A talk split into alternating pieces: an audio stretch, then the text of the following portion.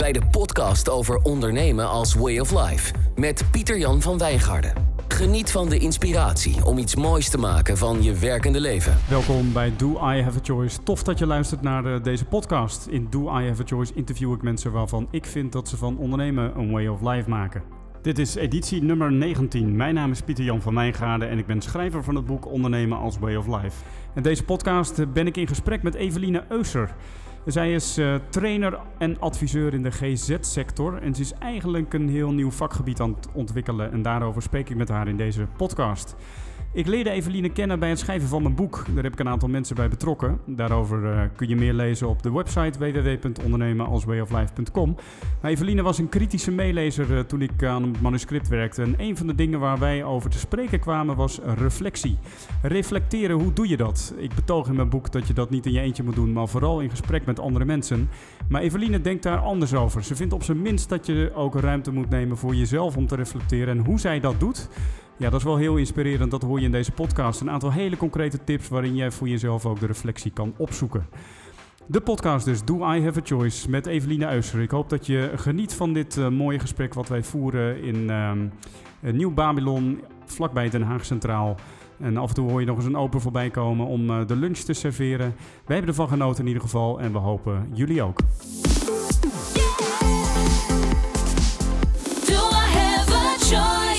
Nou, leuk om hier samen met uh, Eveline Euser te zitten. Ja, dankjewel. In het uh, New Hampshire in uh, Den Haag. We kijken over het Haagse bos. Wat eigenlijk best mooi is, zo op de grens van herfst en winter. Zeker. Beetje oranje bladeren. En uh, Eveline, we hebben elkaar laatst ontmoet hier beneden in Douwe Egberts Café. Yes. Uh, naar aanleiding van eigenlijk uh, ja, mijn boek, hè? Ja. Dat, je hebt, we hebben elkaar ontmoet in, het, in de aanloop van het schrijven van mijn boek. Eigenlijk heel digitaal ontmoet. Ja, klopt. Ja. En op een gegeven moment heb je de, de definitieve versie in handen gekregen en ook gelezen. En toen reageerde je naar mij toe rondom het punt van reflectie. Ja. Want een van de dingen die ik schreef, dat ging over... ja, je leert jezelf kennen in interactie met anderen. Ja. En jij zei van ja, ho even, dat is wel zo. Maar je hebt het af en toe ook echt nodig om even gewoon uh, zelf na te denken. Naar binnen te keren. Naar ja. binnen te keren, ja. klopt. Ja. ja, en ik dacht ook van, ik zie zo vaak dat het uh, twee tegenpolen worden dan. Hè? Dus ofwel je, doet, je leert door te doen en door te ervaren met anderen. Ofwel door naar binnen te kijken. En dan sommigen hè, hebben dan de associatie sterk met navelstaren en zo.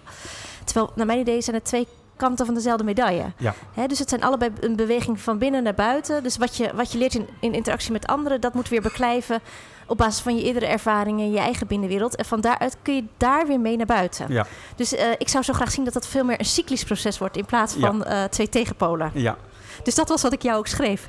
Ja, nou geweldig. En Ja. um, uh, het, het gesprek wat ontstond ging vervolgens uh, niet alleen over reflectie, Nee. maar ook over jouw vakgebied. Ja, En je bent GZ-psycholoog. ja dat klopt. En ja. je werkt als adviseur-trainer. Nou ja, moet je straks zelf nog maar even wat meer over vertellen. Ja. En uh, het gesp- ja, er ontstond een gesprek over talenten, werken vanuit talent. Uh, hoe zet je jezelf nou op de kaart als ondernemer? En vooral ook, en dat vond ik heel interessant, ook op het moment dat je als het ware je in een heel nieuw vakgebied begeeft. Mhm, Daar kun je misschien mhm. straks iets meer over vertellen. Ja. Um, want dat, jij bent eigenlijk een soort nieuw vakgebied aan het ontwikkelen, zou je kunnen zeggen. Ja. En dat neemt ook het een en ander met zich mee, waardoor ja, ondernemerschap ook wat minder standaard is dan misschien in andere situaties. Zeker. En dat is heel leuk om daar het gesprek met je over te hebben. Een ontwikkelweg. Ja. Exact, ja. exact. Ja. Um, ik heb jou gevraagd om uh, na te denken over drie belangrijke leermomenten in jouw ondernemerschap. Dat Ja. zal ook in dit gesprek de leidraad zijn van het gesprek wat we voeren. Yes. Um, maar om te beginnen toch maar even de vraag. Stel, uh, jij ontmoet mij voor het eerst op een feestje of uh, ergens anders. Mhm. En je gaat mij uitleggen wie je bent en wat je doet. Wat zeg je dan? Ja, nou dat is altijd inderdaad, de, de korte versie daarvan is best nog uh, ingewikkeld. Maar um, ik, ik, wat ik altijd doe is, ik beschrijf eigenlijk hoe ik begon en waar ik nu ben. Omdat daarin voor mijn gevoel de, rode draad wel helder wordt. Ik begon mijn loopbaan een uh, kleine 15 jaar geleden in het onderzoek. Ik uh, promoveerde op een proefschrift naar kindermishandeling, trauma en gehechtheid. En um, wat ik heel leuk vind aan het onderzoek doen, is dat je echt ergens in verdiepen. Uh, dat je echt nou, op de inhoud mag duiken. Dat ligt, paste bij mij. Mhm. Wat ik minder fijn vond aan die rol, en dat is ook meteen heel bepalend geweest voor de rest van mijn, uh, mijn keuzes, is dat um, veel onderzoek gebeurt van dat je vanaf de zijlijn zegt, hè, nou, ik heb er naar gekeken en praktijk, hier heb ik wat suggesties wat jullie anders zouden kunnen doen. En ik dacht, nee, dat past niet zo bij mij. Ik wil dat graag zelf ervaren. Ik wil graag, ik, ben, ik hou van ervaringsgericht leren. Ja. Ehm, dus ik ging daarnaast ook klinisch eh, in de klinische praktijk werken bij het Infant Mental Health Centrum in Amsterdam. En dat is een hele specifieke setting. Daar worden zwangere vrouwen behandeld en ouders met kinderen tot en met vijf jaar. Mhm. eh, die alle soorten, allerlei soorten problemen hebben. Dus bijvoorbeeld een huilbaby hebben of een eh, vrouw met een postnatale depressie, maar ook huiselijk geweld of Hmm. eh, eh, vluchtelingengezinnen. En eh, daar werd ik inderdaad, ging ik in opleiding tot GZ-psycholoog. Kijk eens aan. Ja. Ja, En, en lukte het je om die twee te verbinden? Ja, dat het was dus- onderzoek en de praktijk? Want dat was je, een van je intenties volgens mij. Ja, ja, dat wilde ik graag. Die, zeg maar, die, die vruchtbare, ja, vruchtbare uitwisseling tussen het onderzoek en de praktijk. Dat, dat is hartstikke moeilijk, want eh, ja, de cliënten staan te wachten en het onderzoek is heel geduldig. Hè? Dus eh, als je dat even doorschuift, dan, eh, ja, dan merkt niemand dat direct en bij je cliënten wel. Ehm, dus wat ik merkte, en dat was meteen een van mijn grote leermomenten, komen we dan eigenlijk op uit, is dat ik dacht, als ik dit wil kunnen combineren, dan heeft dat wat mij betreft een hele specifieke invulling van mijn week nodig. En Mhm. ook van hoe ik kijk naar mijn taken. Wat is nou eigenlijk de rol die ik, die ik in wil nemen? Mhm. Dus ik heb, ik heb jaren echt als uitvoerende behandelaar gewerkt. En daarna ehm, merkte ik eigenlijk dat ik dacht, ja, als ik dat volledig wil blijven doen, dan kom ik niet toe aan de reflectie die ik ook zo interessant vind. En ehm, ik kwam steeds meer in een fase waarin ik merkte heel veel van die inzichten die ik opdeed in de therapiekamer met gezinnen, die zou ik eigenlijk ook naar andere professionals willen vertalen. Mhm. Maar daar had ik eigenlijk geen tijd voor, want ik was vier, vijf dagen in de week aan het behandelen. Mhm. Eh, en schreef daartussendoor ook nog wel eens wat artikelen, maar dat was dan natuurlijk ook Ja. veel. en eh, was je vrije destijds ook nog aan de universiteit verbonden? Of? Nee, ik was niet aan de universiteit verbonden, maar ons eh, instituut had ook een onderzoeksafdeling. Ja, precies. Ja. Ja. maar dat was kleinschalig hoor. Ja. Dus eh, ehm, ik, ik, ik moest het daar doen met eh, als het ware de data die verzameld werden op het instituut. ja, ja, ja. ja. Maar eh, toch altijd wel de link met onderzoek gehouden wat ja, dat betreft. ja, Ja. ja, en ook de interesse. Ja. Ja, Maar op een gegeven moment dacht je van, nou, dit is wel heel veel met mijn voet in de klei, of in ieder geval heel veel uitvoerend. ja, Ik heb behoefte aan wat meer reflectieve momenten. ja. En, en toen? En toen, ja, nou, dat, dat was, ging een heel proces overheen. Want eh, ondertussen was het in de GGZ onrustig, werd er gereorganiseerd, bezuinigd. Ehm, mijn halve team werd wegbezuinigd. Ik mocht zelf blijven, maar ik dacht, nou, dan ga ik mee met mijn team die zelfstandig iets gingen beginnen. Dus we zijn een groepspraktijk begonnen met eh, collega's, ook in Amsterdam. Ik heb heel veel van geleerd. Ehm, onder andere dat ik dat, dat pionieren, wat wij toen gingen doen, hè, zelf een setting opzetten, dingen, ja, dingen neer kunnen zetten in je eigen vorm, heel erg leuk vond. Het was Mhm. eigenlijk de vooroefening voor het opzetten, denk ik, van mijn eigen onderneming. Als Ja. ik het nu eh, ter plekke eigenlijk denk hoe, wat, wat dat voor mij heeft gebracht. Ja, ja. Wat ik minder leuk vond, was het hele organisatorische wat erin zat. Hè? Want Mhm. nou ja, als je eenmaal een behandelpraktijk opent, dan is een groot deel van je tijd gaat naar contracten en het regelen van zorg. Ja, En daarvan dacht ik, ja, dat is nou precies wat mij stoort met het kunnen reflecteren. ja. Ik kan niet alles tegelijk in de week. Nee. Eh, dus wat, wat voor mij een moeilijk, maar ook heel goed besluit was, was om te zeggen: nee, ik ga, mij, ik ga toch stoppen met de groepspraktijk Ja. en ik ga voor mezelf beginnen. En dus de uiteindelijke reden om dat te doen was ook voor jou om meer tijd en ruimte te maken voor reflectie. Ja, ja. Dat is eh, de ultieme drijfveer om voor jezelf te beginnen. ja. En om, die, eh, en om dusdanig eh, de, dat wat ik aan inzichten zag te kunnen gaan ontwerpen voor andere doelgroepen. Ja, op een ander niveau, hè? Op een Ja. ander platform. Dat is, Ja. We komen straks misschien nog wel even Precies, op. dat, eh, dat ja. is ook een beweging Ja. waar ik nu nog steeds in Ja. zit. Maar dat was toen Ja. ook wat ik voor voelde. Ja. Ja, ja. Want ik vroeg jou eigenlijk van wie ben je en wat doe je, hè? Ja, En ja. je zei dit is de korte versie, dus Ja. wel, kun je nagaan wat de lange versie ja, is. precies. Ehm, maar de- daar zijn we dan nu wel een beetje aanbeland. Wat je nu doet, vanuit je eigen ondernemerschap, hoe zou je dat benoemen? Ja, dat is eigenlijk dat ik die, die hele specifieke inzichten vanuit die infant mental health, dus die, eh, die zorg voor de jonge kinderen, dat ik die, dat is specialistische kennis, die vertaal ik naar mensen die eigenlijk generalisten zijn. Dus dan moet je denken aan kinderrechters, artsen, veel voor consultatiebureaus, maar ook bijvoorbeeld voor beleidsmedewerkers. Ja, ja. Dus wat zijn nou eigenlijk de inzichten? Waar kunnen wij wat aan hebben in allerlei grote thema's? Ik noem, een concreet voorbeeld is bijvoorbeeld draagouderschap. Hè. Daar zijn heel veel discussies over, ethisch, medisch. Maar wat weten we nou eigenlijk over hoe een oude-kindrelatie zich in de buik ontwikkelt? En Ja. hoe zou die kennis kunnen bijdragen om ons denken over zo'n thema als draagouderschap eh, te... Dus je verbindt eigenlijk eh, werkvelden, zou je kunnen zeggen, eh, door middel van kennis, als het ware. Dus je brengt de kennis van het ene werkveld naar het andere werkveld, of brengt het op een ander niveau. Eh, en hoe ziet dat eruit? Ja. Eh, sta je dan ergens voor een groep? Of ben je veel aan het schrijven? Of, Ja, oh, ik sta veel voor een groep, ja. Eh, dus ik, ik geef, word veel uitgenodigd voor symposia en, en congressen. Heel structureel geef ik veel les aan vooral aan mensen in de jeugdzorg en ook in de GGZ. Maar dus ook steeds meer aan mensen daarbuiten. En wat ik doe is niet alleen eh, kennis overdragen, maar ook die, die Infant Mental Health heeft ook veel, gaat ook niet alleen over het wat, maar eigenlijk ook heel erg over het hoe. Dus hoe praat je eh, over dit soort thema's? Hoe verbind je die IMH Ja. is van zichzelf ook heel erg eh, Ja. systemisch en dus dan zou ik integratief. zeggen, het gaat niet alleen over cognitieve kennis, maar ook Nee. over vaardigheidskennis. Ja. hoe, je, hoe je in gesprek bent, hoe je bezig bent. Dus, Ja. Dus kennis is wat mij betreft ook een ruim begrip. Ja, oké, Ja, ja, precies. Ja. Ik heb daar dan vaak toch, een, toch misschien vanuit mijn universitaire achtergrond iets, wel, iets hoofdelijks Dat is bij. precies het probleem. Ja, ja, precies. En, en eh, onlangs iemand tegen mij, het is haast een way of life. Nou, daar sprak misschien die titel van ondernemen als way of life mij ook aan. Ja, Ehm, het zit heel dicht ook bij hoe je als mens in het leven staat, denk ik. Dat beïnvloedt het in ieder geval. ja dus dat- kennis gaat dan diep, hè? Ja, en dat is ook wat, mij, eh, wat ik heel erg motiverend Ja, vind. vind ik ook, Ja, ja. ja. Ja, leuk. Ja. Ja. Zo, daar komt de soep en de taart. ja, Geweldig. het staat niet stil hier ondertussen. Nee. en voor jou een stukje taart. Ja, Heerlijk, Kijk. dank u. Lekker. Dank u wel. Ga ik even een theetje uitzoeken. even kijken. Wat voor thee drink je? Ja. Nou, ik kan je vertellen, ik drink heel veel thee op een dag. Ja, Dus eh, ehm, over de dag heen beweegt het of het zwart of groen of rooibos gaat worden. Eh, en nu is het groen.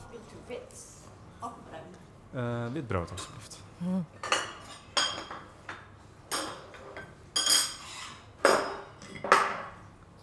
Zelfs pepernoten erbij hier. Oh, heerlijk.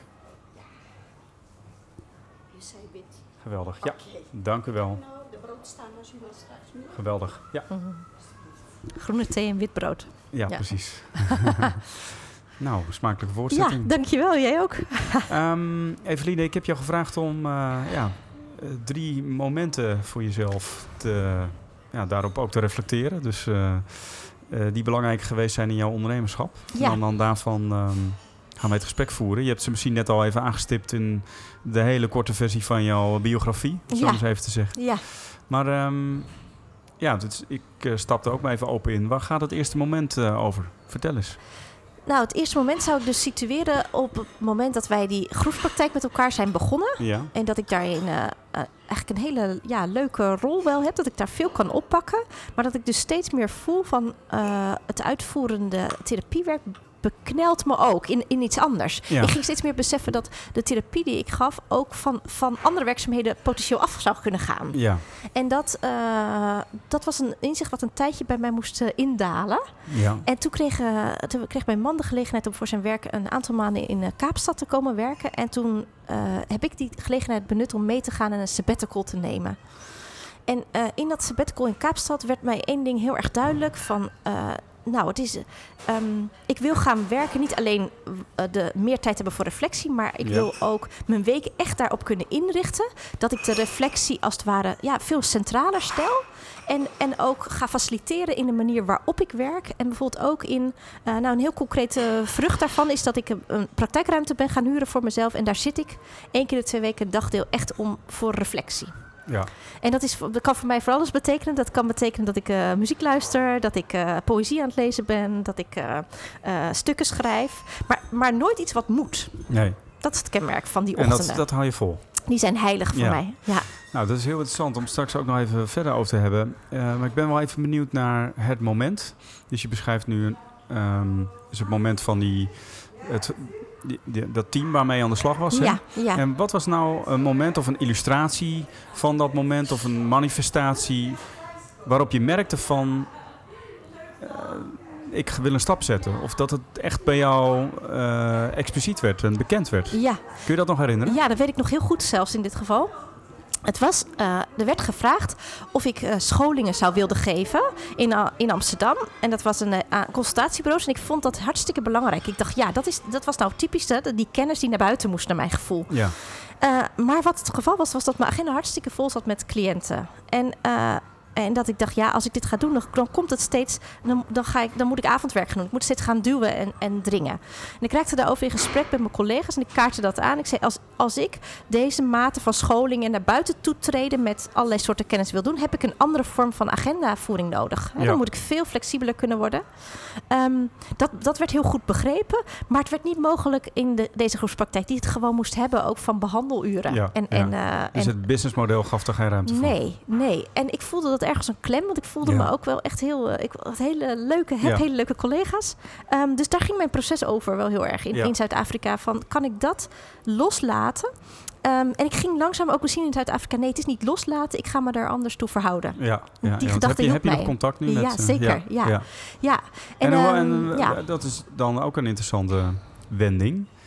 Wanneer ontstond die? Dat je, de, dat je die wending kon maken van ik ga het niet loslaten, maar er anders toe verhouden? In, in Zuid-Afrika, en, en sterker nog in het zwembad. We hadden daar een, eh, een, eh, een plek waar we het, het huis van- bij wie we huurden. Die mensen hadden een zwembad, zoals dat soms gaat in, de, in, in Kaapstad natuurlijk. Ja. En ik, ik zwom daar elke dag. En ik zeg wel eens, ik ben daar door heel veel dingen heen gezwommen.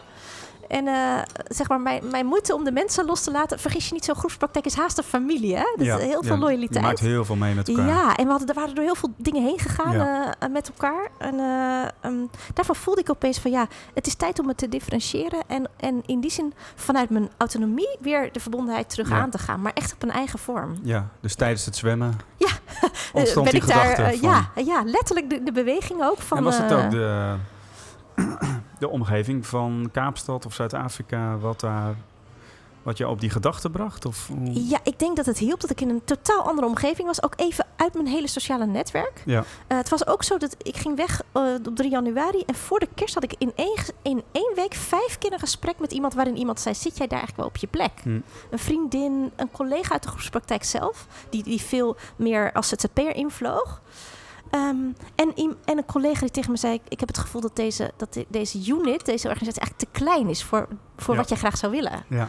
En, en ik ging Dus weg. Ik je dacht, nou, je ik heb richting verstopt tot Kaapstad. Ja. gedachten eh, deze drie maanden. Ja, dus dat was ook een moment van explicitering. En dat, dit was weer zo'n mooi voorbeeld als we het dan hebben over reflectie. Het kwam van buitenaf naar me toe. En, en van binnenaf dacht ik, ja, dit sluit natuurlijk heel erg aan bij waar ik mee bezig ben. Ja. Het is ook wel bijzonder om te horen dat tijdens eh, beweging dat het dan eh, het kwartje valt of zo. Ja, ja, ja. Hoor je wel vaker tijdens daar geloof ik ook heel sterk in. Ja.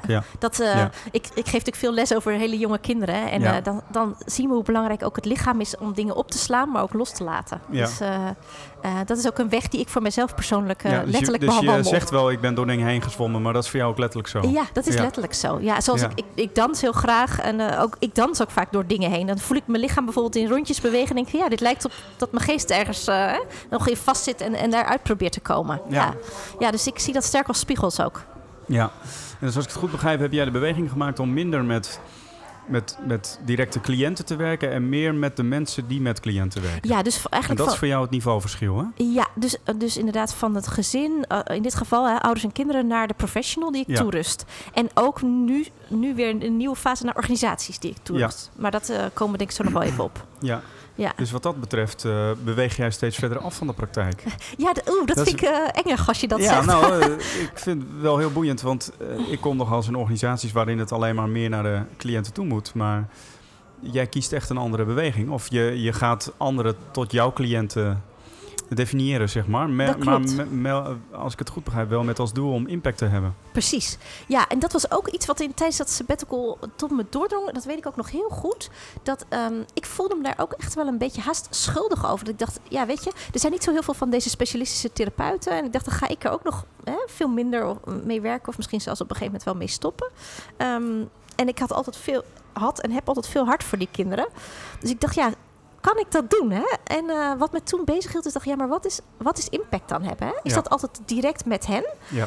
En ehm, de schaal waarop je werkt met professionals, als ik zie wat voor kring ik het afgelopen jaar aan mensen heb beïnvloed, is heel groot. ja. Dus dat- het gaat ook echt over het kiezen van waar wil je invloed hebben. Ja, En dan wellicht ook even genoegen meenemen dat je wat meer in de coulissen staat. ja. En ook wat, wat iemand tegen me zei, ze- eh, zei is van ja, hè, in de uitvoering krijgen we toch steeds meer mensen. Maar dat wat je vanuit jouw loopbaan ziet, de combinatie met het reflecteren en het abstraheren van informatie, daar zijn niet zoveel mensen mee bezig. nee. Dus je zou kunnen zeggen, dat zei toen in, in Kaapstad iemand tegen mij, zei, in, in zekere zin eh, heb jij een andere dienst aan het vakgebied die unieker is. Ja. En dat hielp mij. Ja. ja. Ja, dus je hebt echt het een soort scheidvlak gevonden tussen jouw expertise en een bepaalde ja, markt, om het zo maar eens even te zeggen. Klinkt dan heel commercieel, maar Hmm, een gebied waar je impact wil hebben. ja, En die niche. overlap ja. precies is echt waar jij wat te bieden hebt. Ja, ja, ja, En daar zijn ook nog niet zo heel veel mensen actief. Nee, nee, Nee. Dat kunnen we echt wel zeggen dat dat, eh, ja, dat, dat een pionier Ben je is. echt aan het ontginnen? Ja, ja, Ja. Hey, ehm, toen je begon met vertellen van, eh, van dit moment, zeg maar, begon je ook met eh, dat een drijfveer voor jou om, om de stap te zetten. Om dat team eh, zeg maar, meer los te laten, of in ieder geval je daar anders toe te Mhm, verhouden, was mhm. om te gaan reflecteren. ja, En je vertelde ook hoe je dat nu doet. ja, ja. Vertel eens, want dat is best wel bijzonder. En ook Ja. dat je erin slaagt om zo'n dagdeel in de twee weken dat ook echt daaraan vast te houden. Ja, ja, Hoe, hoe slaag je daarin en, en, en hoe ziet zo'n moment eruit voor jou? ja. Het was eh, ook dat ontstond in Zuid-Afrika. Zoals je hoort, heeft Zuid-Afrika heel veel impact op, eh, op mij gehad. Er was daar een, eh, een heel inspirerende vrouw en die was ook spreker en zangeres. En die, en die zei aan het eind tegen mij: zei, Jij zou jezelf een heel groot cadeau doen als je een ruimte vond, een letterlijke ruimte waar je die reflectie tot stand zou kunnen brengen. Een soort huis. En dat, nam ik mee naar, dat nam ik mee naar huis. En toen fietste ik door het dorp waar ik woon. En toen opeens dacht ik: hé, hey, er is een ruimte die me altijd heel erg aantrekt. En eh, daar stond op een bordje te huur. En eh, dat klikte in. En eh, die, vrouw bleek ook heel flexibel te zijn dat dat maar voor, voor een beperkte tijd in, in de week kon. Dat is natuurlijk niet zo vaak zo. Het is een ruimte waar ik me heel prettig voel. Ik weet niet eens precies waarom, maar er zitten wel elementen in die daarbij belangrijk zijn. Er, er, is veel kunst. Het is een, een beetje een oud pand, een heel geborgen.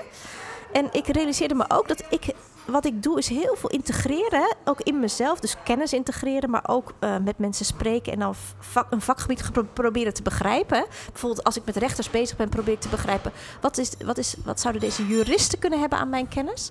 En, en ik ben natuurlijk als ZZP'er best wel on the move en vaak elders. En toen dacht ik, ja, het is ook letterlijk dat belangrijk om een huis te vinden waarin ik dit kan borgen, waarin Ja. dit wortels krijgt. Ja, Ehm, dus vandaar dat die plek voor mij heel belangrijk is. ja.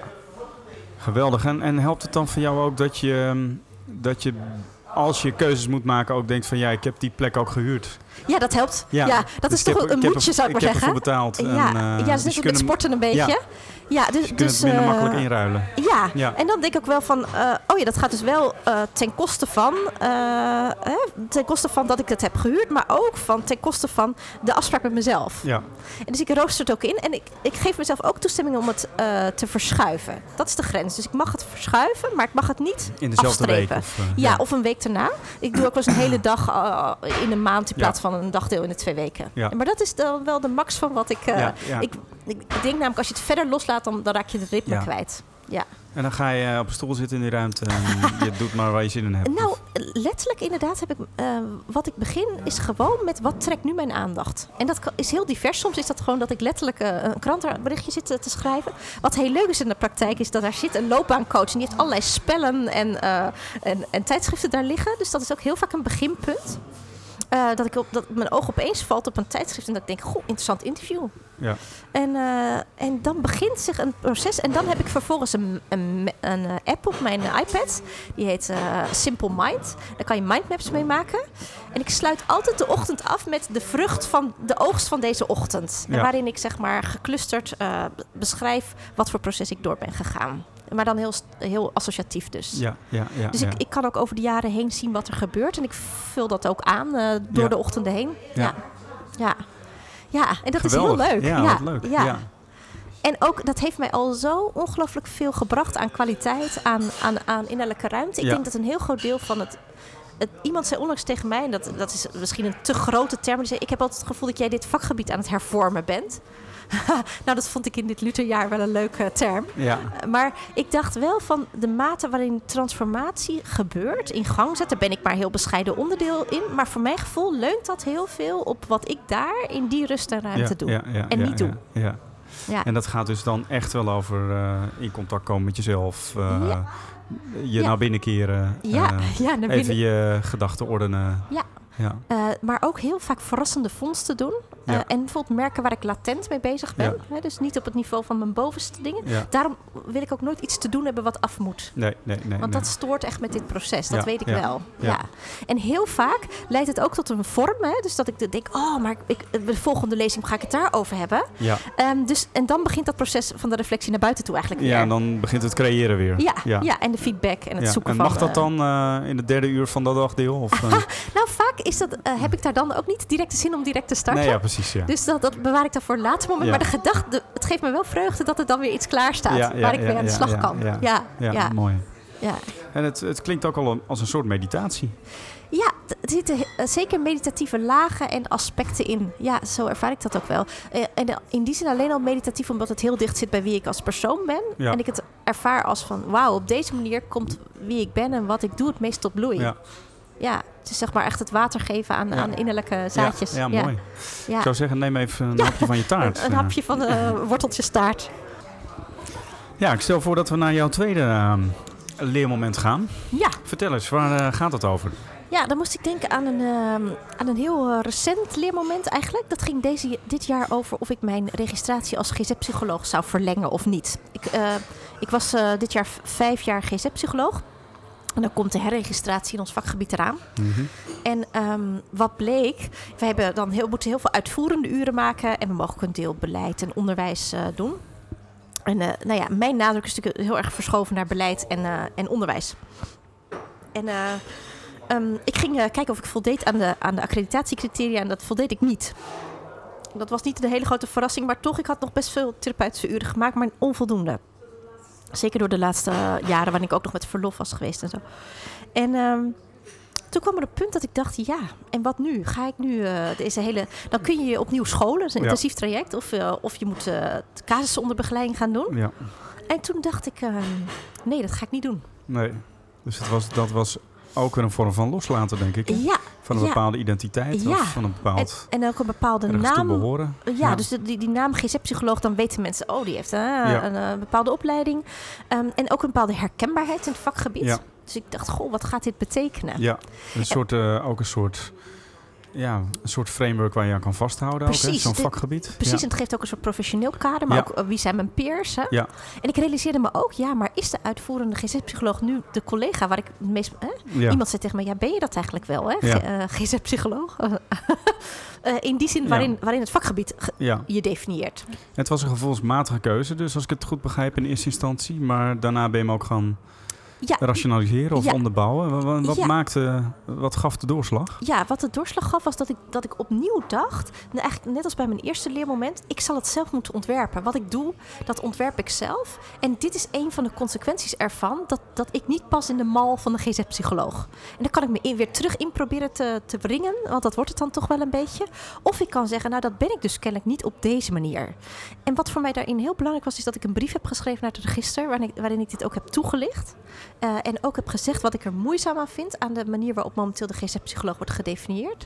Dat er dus voor mensen die heel veel reflectie doen en die dus eigenlijk de vertaalslag maken van al deze dingen uit de behandelkamer naar andere werelden, dat die daarvoor worden gestraft uiteindelijk Ja. met het verliezen hun registratie. En dit was weer zo'n moment dat ik dacht, ja, ik ben eigenlijk het meest geïnteresseerd om het register hierin te hervormen en niet zozeer in, in de dus, je, uitwerking. dus in het schrijven van die brief was je al bezig met je nieuwe Ja, professionele Precies, dit, identiteit. dit was eigenlijk. nou precies. Ja. eh, dit was voor mij zo'n bevestiging van wat ik nou eigenlijk steeds aan, het, aan het doen ben. Dus, dus de- dat bekrachtigde mij heel erg eh, eh, in het proces. Ja, het gaat ook wel ergens over het hervormen van het vakgebied. Ja, dat merk ik dus steeds. Ja, ja. ik, ik eh, eh, sloot de brief ook af met een citaat wat mij heel vaak eh, inspireert. En waar ik ook vaak even naar kijk als ik, als ik eh, een pionier, aan het pionieren ben, is van eh, Paolo Coelho. Over ehm, eh, volg je eigen, hè, maak het onmogelijke mogelijk, volg je eigen weg. Ja, Ja, dat vind ik iets heel. Dit is ook weer zo'n eigenlijk zo'n kleine onmogelijkheid. Hè, van Ja. ik kan dus niet GZ-psycholoog zijn. ja, En dat is tamelijk bizar hoor. Want ik, Ja. als, ik zou dan een toets moeten doen.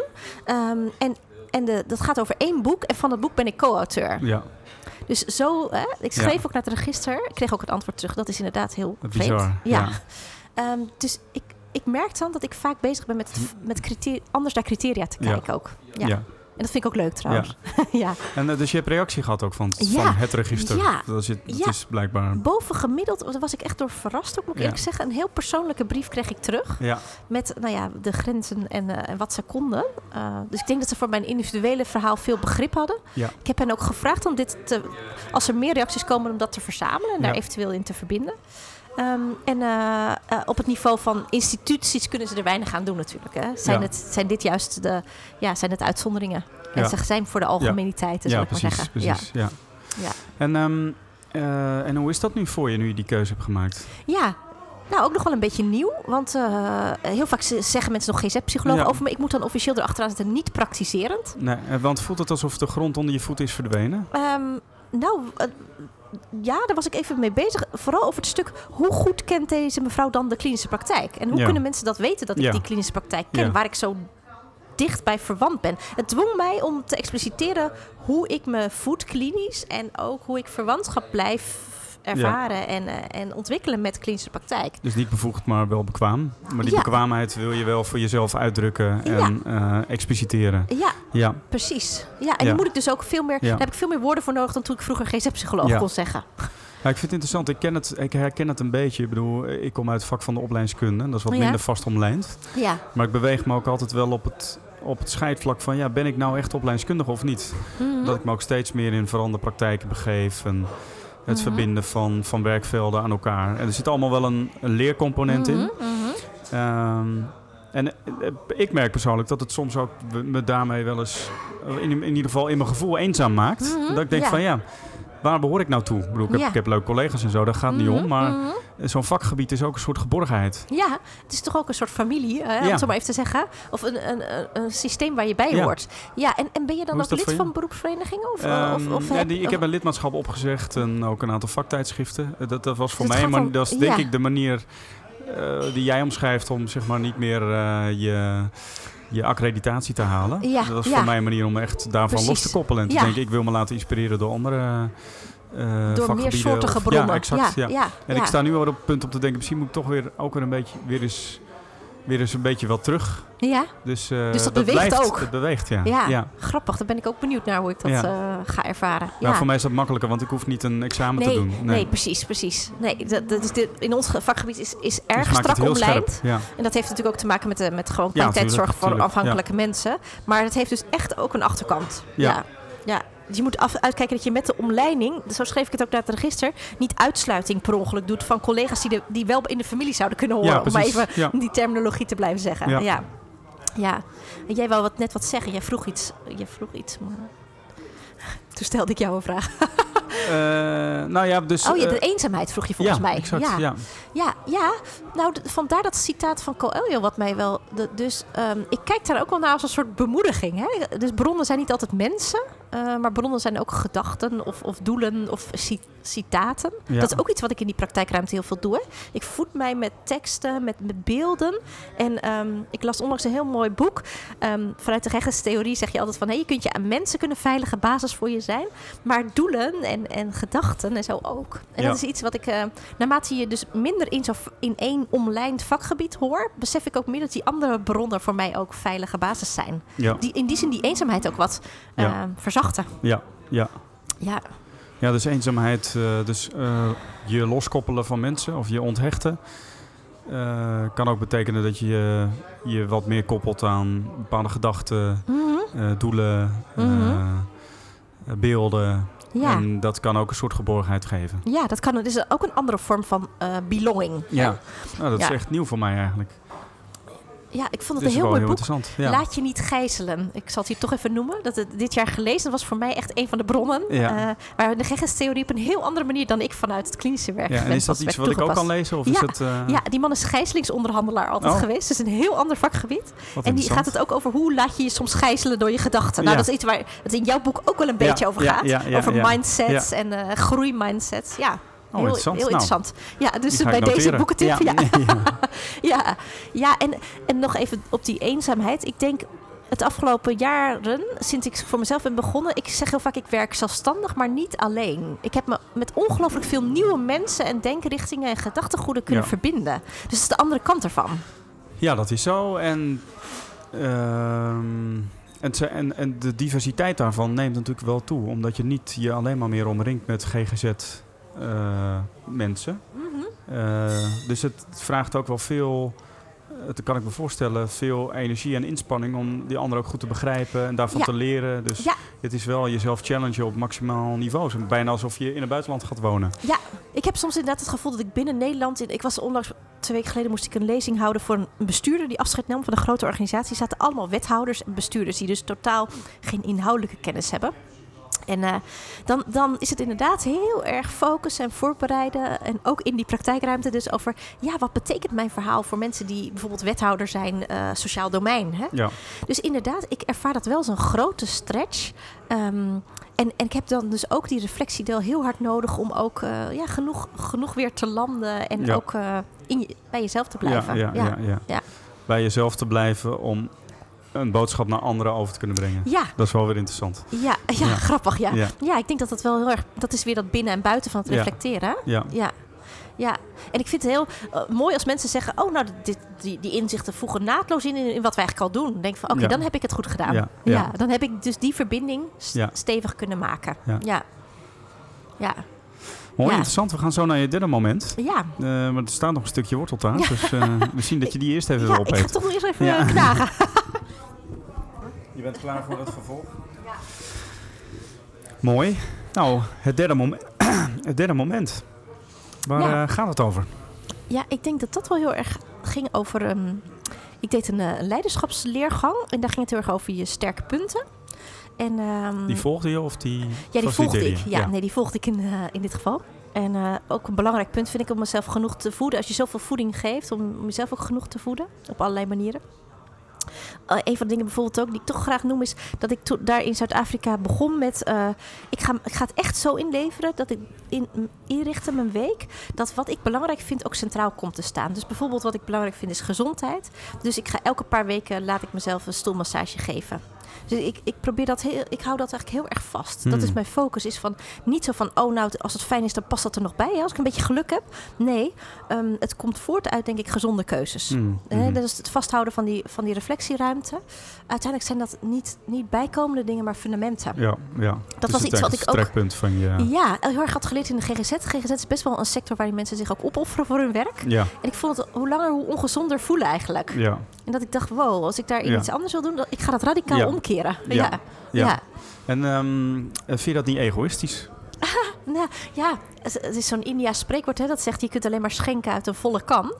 Ja. Ehm, dus de mate waarin ik toegewijd ben eh, eh, en passie heb, die komt dat- voort hieruit. Ja. ja. Nou, dat, is, dat, dat snap ik ook, hè. Maar het, dus ik, het moment dat je, het, dat je er zelf ook aandacht aan geeft... kan het soms natuurlijk wel voelen. Of tenminste, dat, dat heb ik wel soms. Van, Mhm. eh, ben ik niet te veel met mezelf bezig? Mhm. Mhm. Dus dat zeggen is nog iets anders dan... Dan het tot je echt Ja, tot je ja. kunnen nemen. Ja. Jij slaagt daarin blijkbaar. Ja, dat is ook wel een proces hoor. Ja. Ik, ik, want ik herken die gedachte ook wel. Ehm, dat de gedachte van, hè, dat is, wordt dan, en je bouwt iets op rondom je persoon dan. Tegelijkertijd is dat ook waar de mensen, ehm, merk ik ook zelf dat ik een grote beschikbaarheid voor mensen heb. Dus ik dacht ook wel van ja, daar moet ik ook wel goed naar kijken. De mate waarin ik toegewijd ben of bijvoorbeeld beschikbaar ben voor mensen na een training. En die komen ze heel vaak met grote vragen of met, met moeilijke dingen. Ja, die heeft ook te maken met de mate waarin ik dan de diepte in mezelf opzoek, maar ook de gezondheid van mezelf koester. Ja, ja, ja. En ik ben ervan overtuigd dat dat heel vaak de meerwaarde is die mensen voelen. Hè? Ja. Toch dat mens-mens contact. ja. Ja. Dus uiteindelijk geeft het je, ben je in staat om daarmee ja, beter een ander te dienen. ja, uiteindelijk is het ook dienstbaarheid. Ja, Ja. ja. in, de, eh, in de goede het is zin een dienstbaarheid die, die uiteindelijk zijn fundament vindt in hoe je jezelf voelt en hoe je zelf eh, je eigen well-being, zeg maar. Ja, ja. Dat is wel interessant, want in mijn boek ben ik, eh, heb ik, was ik juist geneigd, of ben ik, heb ik juist gekozen voor een echt de the other way around. Mhm, mhm. Namelijk, je well-being komt voort uit de mate Mhm. waarin je op een ander gericht bent. Ja, ja, maar eh, dat vind ik dus ook weer zo'n valse tegenstelling. Ja. Want eh, ik ben dus enorm op anderen gericht. Ja, Ik denk dat de mate van service die ik lever echt wel heel hoog Ja. is. En, en dat kan ik dat wegschenken, kan ik alleen maar doen doordat ik, ehm, doordat ik een fundament blijf houden. ja. ja, dus het is, niet, het is niet een op jezelf gericht zijn, maar het is een op een ander gericht zijn en van daaruit ook aandacht schenken aan jezelf. Omdat dat een resource is waar de, Ja. de ander uiteindelijk gebruik van maakt. Ja, ik vond ook heel letterlijk. Ik, ik, als ik in een stoelmassage zit, dan heb ik heel vaak gedachten die uiteindelijk blijken heel, heel net als tijdens het zwemmen, Ja. heel zinvol blijken te Ja. zijn. En die komen uit andere lagen van mezelf. Ja. Maar dit, dat zijn reflecties van Ja. wat er natuurlijk in contact Ja. met mensen is gebeurd. En daar ben je in Kaapstad mee begonnen en doe je nog steeds? De Ja. stoelmassage? Ja, dat, nou, wij hadden altijd op ons instituut in de GGZ hadden we dat. Vond ik een fantastische service eh, en ook heel goed. En eh dat stopte natuurlijk toen ik ZZP'er Ja. werd. En toen dacht ik, ja, maar dat hoeft niet te stoppen even. Nee. Dus dat, dat was ook een realisatie. Dat ik dacht, ja, het is nu aan mij om mijn werkweek eh, te ontwerpen. Ja. Eh, en doe dat dan ook zoals je denkt dat het goed is. Ja. Dat is een heel interessante zijweg die we volgden toen jij begon te vertellen over jouw Ja, leiderschapstraject. Ja, Ja. ja, precies. Want daar, ehm, en in die zin hangt het, denk ik, het verband wat ik ertussen zie, is dat het allebei gaat om bewustwording. Ehm, door dat leiderschaps, eh, die leergang, werd ik mij veel meer dingen die voorheen misschien impliciet werden, werden expliciet. Bijvoorbeeld wat dan sterke kanten eh, uit die test naar voren kwamen. En bijvoorbeeld wat voor rollen ik fijn vind en wat voor rollen minder bij me passen. Dat gold dus ook voor dat soort aspecten, gezondheidsbevorderende aspecten. Dat het hele ondernemerschap is voor mij een, zo'n weg in bewustwording. Van ook veel van impliciet naar expliciet. Hè? En van daaruit keuzes kunnen maken die ko- voortkomen uit, uit weten eh, ja, wie je bent, waar je graag naartoe wil, wat je wil ontdekken. Het is helemaal niet dat het een vaststaand plaatje is, maar dat ik me veel bewuster ben dat ik daar regie op kan nemen. Mhm. En daar geniet ik heel erg van. Mhm, mhm. Ik ervaar het in die zin ook als, als persoon haast als een emancipatieproces, als een zichtbaar worden, groeien. eh, Ja. En dat is iets wat je, wat je hebt geleerd in die leergang toen je met je talent aan de slag ging? Of, ja. Nou, vertel eens, wat was een moment wat, wat, wat, wat daarin belangrijk was? Nou, een van die punten die naar voren kwam, dat was een term die, de- die, die ik nog nooit eerder had gehoord, dat was maximaliseren. Dat was een van die sterke punten. En maximaliseren Was het uh, Buckingham uh, sterke? Ja, de ja, je ontdekt je sterke punten, heet het in ieder geval, boek in het. Nederlands. En, eh, en dat maximaliseren gaat er dus over dat je, dat, dat je graag iets wat goed is, nog beter maakt. Ja. En, ik en opeens dacht ik, hé, hey, ik begrijp nu waarom ik zo graag met professionals werk. Hm. Hè, in ons vakgebied, zeker in de GGZ, wordt gekenmerkt door heel toegewijde, Hm. eh, vaak ook heel leergierige professionals. En inderdaad, ik, ik krijg er zo'n energie van om dat beter te maken. Hm. Terwijl natuurlijk in therapie gaat het heel vaak over dat je iets van een probleemniveau naar beter krijgt. Ja. Maar maximaliseren is iets wat je daar veel minder doet. Ja, ja, ja. ja. En ehm, ik ben er dus begonnen om eigenlijk al mijn opdrachten te bekijken vanuit, ehm, natuurlijk ook vanuit wat, wat brengt het me bijvoorbeeld financieel. Maar eigenlijk mijn eerste eh, ja, blik die, de, die ik er overheen leg, is vanuit mijn sterke punten. Ja. Kan ik hier bijvoorbeeld maximaliseren? Ja, ja. ja. en dat, eh, dat geeft me heel veel vreugde. Ja. Ja. ja. En daarmee word je ook uh, wat kritischer zeg maar, in het werk wat je gaat doen. In de positieve zin, denk Ja. ik. Hè? Zo van, waar kan ik echt wat bieden? Selectiever in ieder Ja. geval. En het is Ja. natuurlijk prachtig dat je daarin dan ook de bevestiging vindt van de stap die je hebt gemaakt. Ja. Dat je merkt van, hé, hey, dat is dus inderdaad eh, gevoelsmatig. En Dat op allerlei andere fronten heb ik dat weten te onderbouwen. En, en klopt dat, maar op, dit punt klopt het dus ook. Dus Ja. ik, ik moet niet van, eh, van niks een beetje maken, maar ik Mhm. moet van een beetje Ja. iets heel moois maken. Ja, dat. en daar ja. ligt mijn, eh, mijn kracht en mijn Daar ligt mijn hart. Ja, ja. Ja. Dus ja, inderdaad. En gedeeltelijk is dat natuurlijk ook, je begint aan het ondernemen en dat, dat onderbouwen, dat, is in de, dat komt er vaak achteraan. Dat vind ik dus ook heel het- kenmerkend. Ja, en het, ehm, het klinkt alsof je dus ook best wel kritisch bent in je tijdsbesteding. En hoe je de dingen Ja, kiest. Selectief vind ik een Ja. prettiger woord Ja, precies. Ja, oké, Ja. selectief. Ja, En ik vraag me wel af, wat, wat maakt dat je dan eh, in die Facebookgroep gestapt bent om mee te denken aan mijn boek? Ja, nou, dat- dat- precies. Nou, dat ondernemen als way of life, dat was dus een, eh, meteen, een- dat was jouw werktitel ook, Ja. hè? Dat was iets wat mij meteen aansprak. Ja, Ik, want, want ik, nee, alles wat ik vertel gaat natuurlijk ook over wie ik ben en wat ik als mens aan het doen ben Ja. of te doen heb voor mijn gevoel ook. ja, Ehm, en ik dacht, ja, dat is, dat, daar zou ik nou eens inderdaad wel eens wat, dat zou ik nou wel eens wat explicieter op papier hebben willen staan. En jij, jij was dat aan het doen. ja. En dat was op het moment dat jij ongeveer die leiderschapstraject aan het volgen Ja, was of dat, zo, of precies. Volgens mij had ik die net afgerond. Ja. Ja. En dat je opeens dacht van, hé, hey, dat ondernemerschap, dat, daar zit een soort emancipatieproces in. Dus Ja. je bent het wat nadrukkelijker toen gaan inzetten en ook Ja. echt gaan gebruiken, zeg maar, als ja. ontwikkel... Als, traject eh, ook. Ja, Ja. precies. Als, als middel, om het zo maar even te zeggen. En, ik, en ik, dat vind ik dan ook. Ik ben eh, een van die andere sterke punten die genoemd wordt, is input. Ik hou ook ontzettend van, van hè, bronnen. En ik dacht, oh god, wat een leuk, eh, leuk traject. En ik vond vanaf het begin af aan ook zo leuk hoe, hoe jij erin stond. Dat je vanaf het begin af aan eigenlijk een platform creëerde om input te krijgen.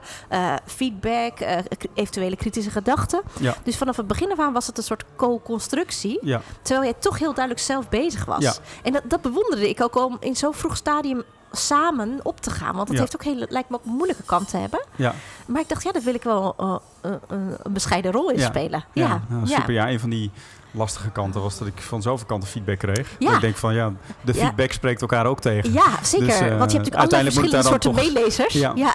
En wellicht dat ik dan weer denk van nou, als ik maar van een ander feedback hoor, dan hoef ik zelf dan hoef ik Mhm. zelf niet te kiezen. Maar Mhm. eh, daar kon ik mezelf toch niet van, eh, van ontslaan. Dus eh, Nee, ja, dat nee. was maar goed ook. Ja, dat is, Ja. Ook, dat Ja. is ook heel. Maar daar wordt het ook beter van. Hè? De tegengestelde stemmen maken ook helder. Wat zijn er dan voor groepen? Of, Zeker. dat vond ik ook een heel leuk proces in, Ja. in, in, om te, mee te lezen van enige Ja. afstand. Ja, En ik dacht ook, volgens mij is dit ook inderdaad waar heel erg behoefte aan is. Het ondernemen niet alleen op het niveau van inderdaad hoe maak je omzet of hoe schrijf je een bedrijfsplan, maar wat betekent het voor jou? En ik was heel blij dat je het ook binnen organisaties meenam. Ja. Hè? Je kunt ondernemender of Ja. ondernemend leven Ja. en ook werken eh, bij de overheid of waar dan ook. ja, Ja, ja.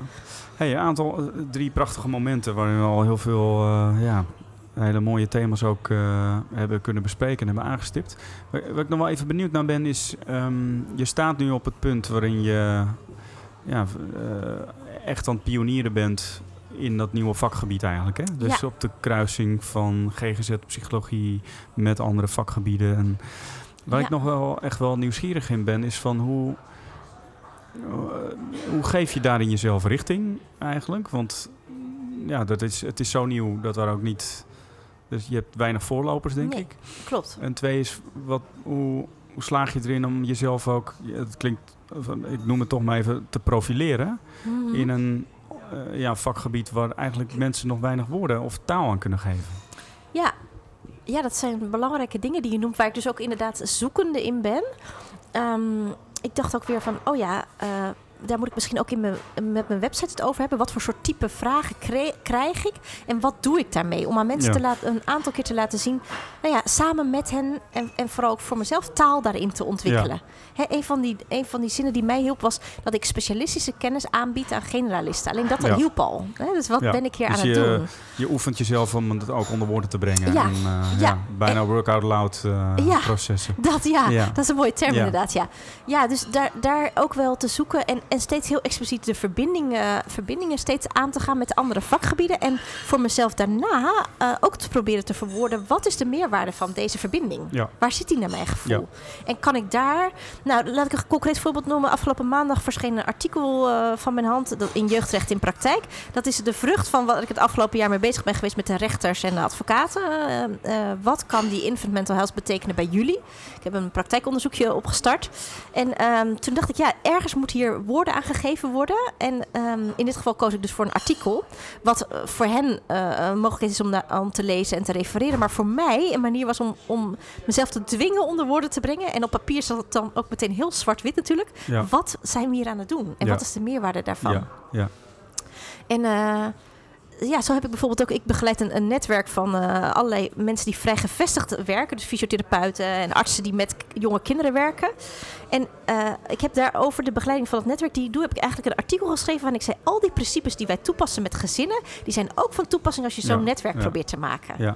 Dus, je ook daar ook probeer ik dan... wel- Ja, Je, je, je draagt ook wat dat betreft wel bij een vakontwikkeling door artikelen te schrijven en het echt onder woorden te brengen. En ook dat wat jij leert, zeg maar, weer te delen met de wereld. Ja, Ja. Ik, ik geloof daar ook heel erg in dat dat dus twee kanten van hetzelfde reflectieproces zijn. Tegelijkertijd vind ik dat ook zoeken als ik wel eventjes concreet naar verdienmodellen kijk. Hè, zijn dat soort publicaties zijn absoluut niet, eh, niet in financiële zin Nee. winstgevend. Wel heel erg. Hè, ehm, en dat is dan ook weer een stukje van, van hoe ik ondernemen als way of life zie. Van de zomer heb ik dus zitten worstelen aan dat artikel. Want ik was weer even na mijn promotie een beetje kwijt hoezeer ook het, een artikel schrijven een beetje sterven is, zou ik maar zeggen. Hè? Waar je allemaal doorheen moet als schrijver. Nou, dan weet jij nog heel vers. ik, heb, ik zag een paar keer updates van jou van Texel en van Afrika, Zuid-Afrika. dacht ik, oh ja, oh ja. Zo, zo ging dat. Ja, Ja, ja. en eh, dat het schrijven ook heel veel loslaten is en schrappen. En, Ja, ehm, zeker weten, Ja, ook een meditatief proces bijna. En eh, ik ben bijna kwijt wat ik erover wilde zeggen. Nou, je zei van uh, het ging over businessmodel. En dat oh ja, het, uh... dat, het, uh, dat ik dacht, ja, nu kan ik natuurlijk zien, dit zien als iets wat financieel niet, niet winstgevend is. Maar ik ben het anders gaan zien. Ik heb het voor mezelf gelabeld als een summer school schrijven en vakverdieping. Ja. En ik heb daar een, ik, heb, ik doe in mijn vrije tijd heel veel aan creatief schrijven. En ik heb mijn juf daarin gevraagd van de schrijfcursus: wil jij meelezer zijn? En we hebben daar samen een soort summer school idee van gemaakt. Ja. En toen voelde het opeens toch echt ja. anders. Ja, dan is het maximizer, denk ik. Ja, dat was het weer een beetje. Ja, dus ik dacht, goh, ik word hier toch echt sterker van. Dan en, is het niet uh, een beetje aanmodderen met een artikel, maar dan is het gewoon uh, op hoog niveau een summer school. ja, wat doen. grappig dat je dat inderdaad ook weer maximaliseren noemt. Ja. Ja. want ik duik daar dan ook best wel in. En, uh, maar het hielp mij ook om te denken, ja, maar even, uiteindelijk doe je dit voor jezelf en voor het vak. Hè? En, en als je dat wil doen, nou precies waar het over hebben, doe het dan met toegewijdheid. Ja, precies, en niet toewijding. vanuit, ja, ik zit hier geen geld te verdienen. Nee. Of, hè? Want ik geloof dat, dat dat drijfveren zijn die mensen uiteindelijk ook voelen in het artikel. Ja. ja. Dus uh, ja. Ja. Evelien, fijn uh, om je te spreken, uh, gesproken te hebben. Ik denk, we gaan naar een afronding toe. Ja. is nog iets wat, wat je kwijt wil? Poeh, uh, nou, we hebben volgens mij al heel veel gezegd ja, en je besproken. hebt ook wat voorbereid. Er zijn alle dingen nee. aan de orde gekomen die uh, je had willen zeggen. Voor zover dat uh, nog past. Maar. Ja, volgens mij, volgens mij wel. Ja. En, en dus ook dat ik, dat ik iedereen zou willen uitnodigen, toch, als je, als je meeluistert of later luistert vooral, um, is, is echt van, ja, zoek je sterke kanten op en neem die als uitgangspunt. Want dat, dat maakt werken zoveel meer energiegevend en voldoeninggevend. Daar heb je toch wel een hele mooie ja, case van op tafel gelegd uh, eigenlijk in dit gesprek. Ik ervaar ja. dat in ieder geval ja. zelf zo. Ja. En, uh, iedereen moet voor zichzelf natuurlijk zien hoe dat is. Maar ik denk wel dat als ik veel ondernemers zie die het leuk hebben... dat ze dan vaak heel dicht zijn bij hun sterke punten. En dat ik ook denk dat, dat de wereld daar iets aan heeft. Ja. Hey, en um, als mensen meer over jou willen weten, van jou willen horen... waar kunnen ze dan terecht? Ja, oh ja, dat is weer zo. Nou, ik heb dus een website. Er staan eigenlijk alleen contactgegevens op. op dit moment. Uh, LinkedIn. Uh, en ze kunnen me ook altijd even een mailtje sturen. Ja. Of, en eh, jouw website is? ja, www.ouderkindexpertise.nl Ouderkindexpertise, gewoon helemaal aan elkaar. helemaal aan elkaar. .nl. En daar vinden ze ook een mailadres. Ja, dan kunnen ze al mijn contactgegevens. En dat vind ik hartstikke leuk om altijd even dieper uit te wisselen. Nou, dank voor het delen in ieder geval van jouw ervaringen. Heel graag en, gedaan. Leuk ook om zo'n moment te hebben. Dit was eigenlijk ook weer één grote reflectiemoment. Ja. En uh, ik ben mezelf ook weer een aantal dingen echt... Uh, door het uit te spreken verhelder je het ook.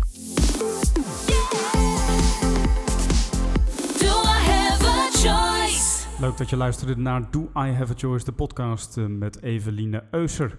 Ik hoop dat je genoten hebt. Wil je meer informatie over deze podcast? Kijk dan op www.ondernemenalswayoflife.com. Volgende keer, dat is over twee weken, staat een nieuwe podcast online en wel met Annemarijn Koop. En Annemarijn is werkzaam bij de gemeente Amsterdam, bij de Amsterdamse school. Maar ze dacht, hey, ik wil wel eens een tijdje wat anders doen. En toen is ze komen buitenspelen, zoals ze dat mooi noemde, bij ons eigen bureau, Kessels Smit, de Learning Company. Dat heeft ze een maand of drie gedaan en daarover vertelt ze in de volgende podcast. Dus wil jij misschien ook eens buiten spelen, een soort van stage lopen bij een andere organisatie en wil je weten hoe je dat kunt doen en uh, de do's en de don'ts, luister dan de volgende keer naar deze podcast Do I Have a Choice.